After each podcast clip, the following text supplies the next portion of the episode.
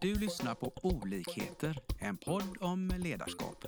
Vi som står bakom podden är Leadership to Grow.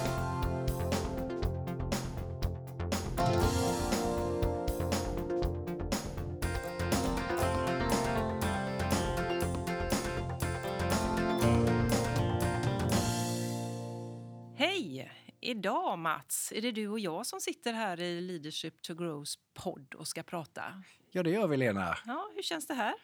Jo, men det känns bra. Det Mm. känns alltid bra att få sitta ihop med dig. Och jag vet att det blir alltid spännande ämnen när du och jag sätter igång och börjar prata. Så att jag är full av förväntan.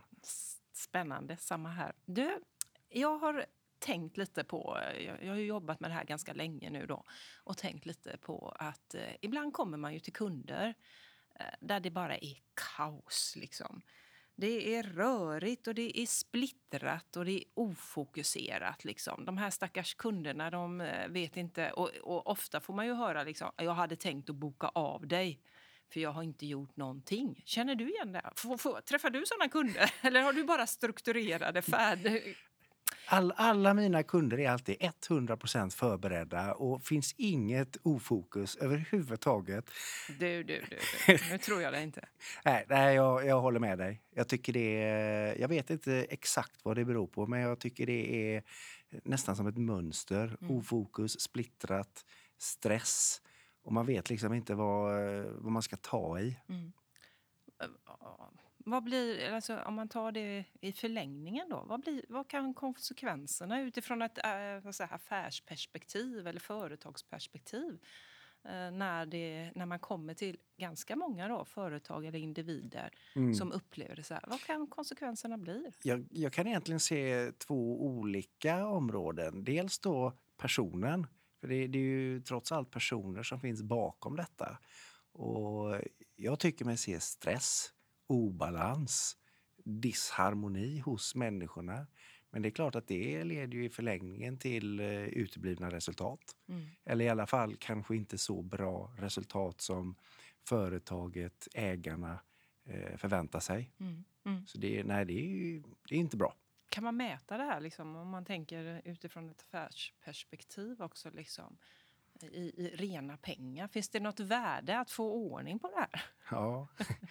eh, vilken klurig fråga. Det, det jag tänker på när du säger mäta så, det är väl möjligtvis sjukfrånvaro Mm. eller sjuknärvaro. Mm. Mm. Eh, olika företag har ju olika typer av produktivitet och den produktiviteten måste ju på något sätt gå att mäta. Mm.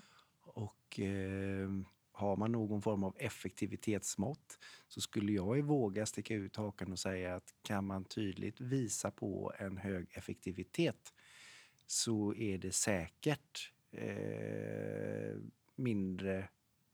Alltså, det hänger säkert ihop med att man har hittat ett fokus. Mm. Och jag skulle våga säga att finns det ett fokus så finns det förmodligen mindre stress. Mm. Mm.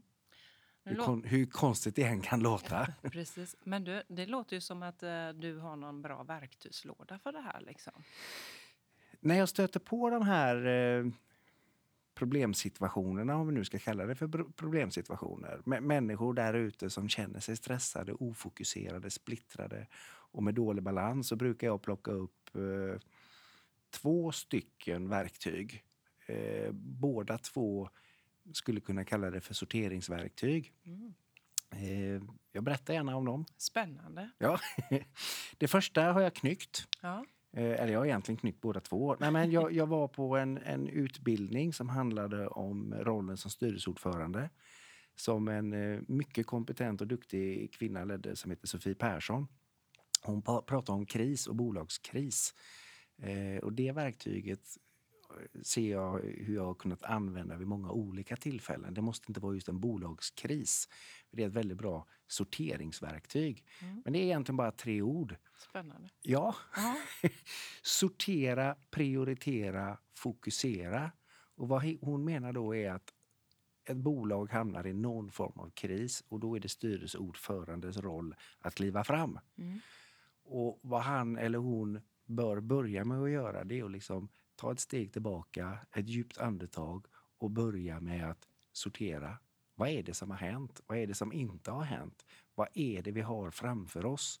Och i en arbetssituation då, vad är mitt uppdrag? Mm. Vad är det jag har framför mig att sortera ut? Mm. Och liksom få, bara få upp allt på bordet. Och därefter börja prioritera, alltså göra tidsaxeln. I vilken ordning ska jag göra alla de här sakerna? Eh, och när det väl ligger, eventuellt sanktionera den listan med min uppdragsgivare, min chef, så att vi har samsyn runt allt detta. Jättebra Mats, jag ser att du har gjort prioriteringen, prioriteringen och vi har samsyn. Super. Jobba i denna ordningen. Då kan jag börja fokusera. Och där kommer ofta ett otrolig tillfredsställelse, ett lugn. Och jag vet att jag har liksom byggt upp ett skyddsnät i min tidsaxel, min prioriteringslista. Så eh, sortera, prioritera för att sen börja fokusera och då vet jag att jag fokuserar på rätt saker. Mm. Och det, det låter ju på dig som du använder det här på individnivå. För du börjar med att säga det utifrån ett styrelseordförandeperspektiv och då gör man det ju med bolagets liksom helheten. Mm. Men att det funkar väldigt bra på individnivå också. Absolut. Det, det, det funkar, precis som du säger, styrelseordförande-perspektivet. Mm. Eller varför inte i en ledningsgrupp, en Mm. projektgrupp. Mm. Eh, vilken grupp som helst egentligen. Mm. Men sen därifrån då ner, rakt ner på individnivå. Så det är, tack Sofie Mm, för det verktyget. Mm, mm. Eh, ja, spännande. Har du använt det själv? Oh ja. Nej, men absolut. Dels i min roll som styrelseordförande. Eh, kanske inte bolagskris, men, men liksom när vi står inför eh, utmaningar. Eh, sen rent privat. Mm. Ibland blir det körigt, Ja. även på hemmafront. Ja.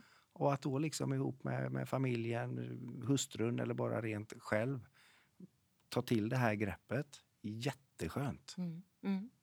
Väldigt bra verktygslåda liksom, Mm, att använda. Hade du något mer tips? Ja, eh, en, en modell som dyker upp inte allt sällan. Jag känner den som Eisenhower-modellen. Mm. Eisenhower, den, den tidigare amerikanska eh, presidenten. Och han var väl försvarsminister tror jag innan. Mm. Eh, om det är han som är pappa till den här modellen, det vet jag inte 100% men jag känner modellen som den. Och det är egentligen en klassisk fyrfältare. Eh, där det första fältet heter viktigt bråttom. Mm. Och sen har vi viktigt, inte bråttom. Och så har vi bråttom, inte viktigt. Och sist men inte minst, inte bråttom, inte viktigt. Hur ofta är du där? Är det den fjärde? Det är när jag ligger på soffan och tittar på någon meningslös serie. För det kan vara rätt. Japp, Eller absolut. hur? Oftast absolut. är det väl skojlådan. Ja. Eh, säger ibland mina kunder liksom, när man Ja. försöker säga att i fjärde boxen ska du aldrig vara. Ja, men det är ju där jag är hela tiden för det är så roligt. Bra inspel. Varför måste allting vara så himla viktigt och pretentiöst? Nej, men det är väl härligt att få vara där. Mm. Absolut. Mm. Men, men om, om, om det handlar om att reda ut eh, missförhållanden och inre stress och, och liksom vad ska jag ta i? Mm. Så är det också ett jättebra sätt. Eh, för att gå tillbaka till det här första verktyget då, att börja med att bara få ur allting ur skallen. Mm. Ut med det. Mm. Så det blir en jättebruttolista. Mm. Och så titta på dem kritiskt. Vad är det som är viktigt och bråttom? Alltså vad måste vi få ur händerna nyss? Mm. Och vad är det som är viktigt men inte bråttom? Och få liksom de göromålen i den kolumnen. Och så finns det ibland saker som upplevs som jättebråttom. Men när de väl tänker på det, är det viktigt? Nej. Bara kasta bort dem. Ja. Jätteskönt. Där, därifrån brukar jag då fråga mina kunder, så vad gör du nu? Ja, men nu är det ju bara att hoppa på det här då och, och rangordna dem viktigt bråttom i rätt ordning. Mm. Nej, Mhm. absolut inte. Nej. För innan man gör det så är det jätteviktigt att liksom ta hand om det där som är viktigt men inte bråttom. Ja. Så att går jag till mig själv så sorterar jag in dem i min Outlook Ja. så att jag vet att det finns ett skyddsnät, det finns avsatt tid för de här uppgifterna. Mm. Eh, för tiden kommer typiskt aldrig till mig. Nej. Nej. Och sen går jag på det som är viktigt, bråttom och i rätt Ja. ordning. för några år sedan så jobbade jag faktiskt med en eh, projektgrupp eh, där vi eh, började hela processen med att försöka skatta hur mycket tid vi la i de här fyra boxarna. Ja. Och så satte vi målbild på det och så efter sex månader så mätte, eller skattade vi igen då. Eh, och en otrolig utveckling naturligtvis blev det. Ja. Eller naturligtvis, det blev det i, åt rätt håll. Men framförallt också vad vi då noterade det var ju att stressen hade minskat. Man upplevde att man jobbade mer på förkant. Liksom. Ja.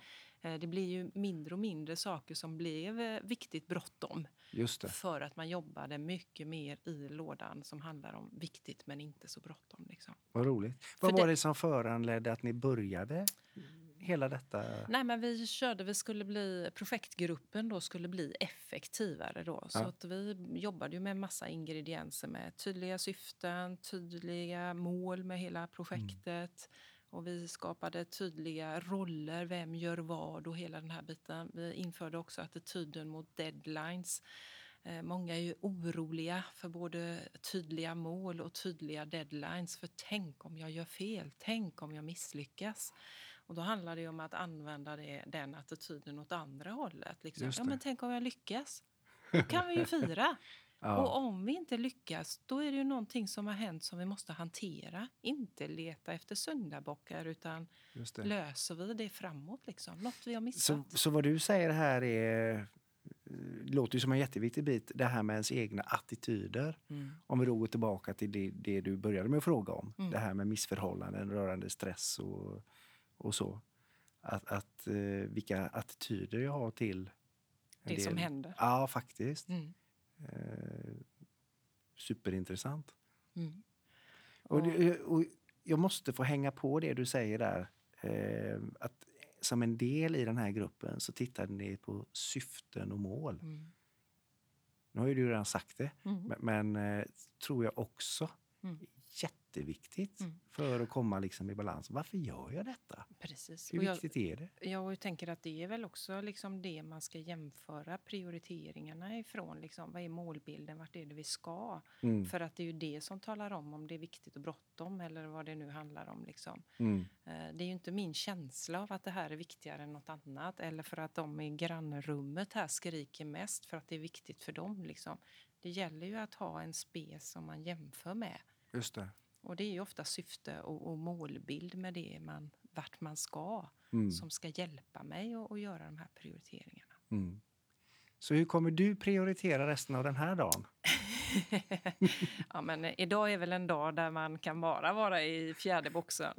Nej, absolut inte. Nej, men jag tänker också, jag ska nog eh, reflektera över det du var inne på och det blir väl en bra avslut här att vad, de än, vad som än händer och vad som än ligger på bordet så börjar det hos mig själv och min attityd. Ja. Det är inte hur du har det utan hur du tar det Wow, som är det viktiga. snyggt. Tack för det här samtalet Mats. Tack själv Lena. Vi hoppas att vi har väckt tankar om hur du kan utveckla och stärka ditt personliga ledarskap. Följ oss gärna på våra sociala medier där vi heter Leadership to Grow. Om du vill ha mer inspiration och verktyg, gå in på vår hemsida leadershiptogrow.com. Tack för att du lyssnar.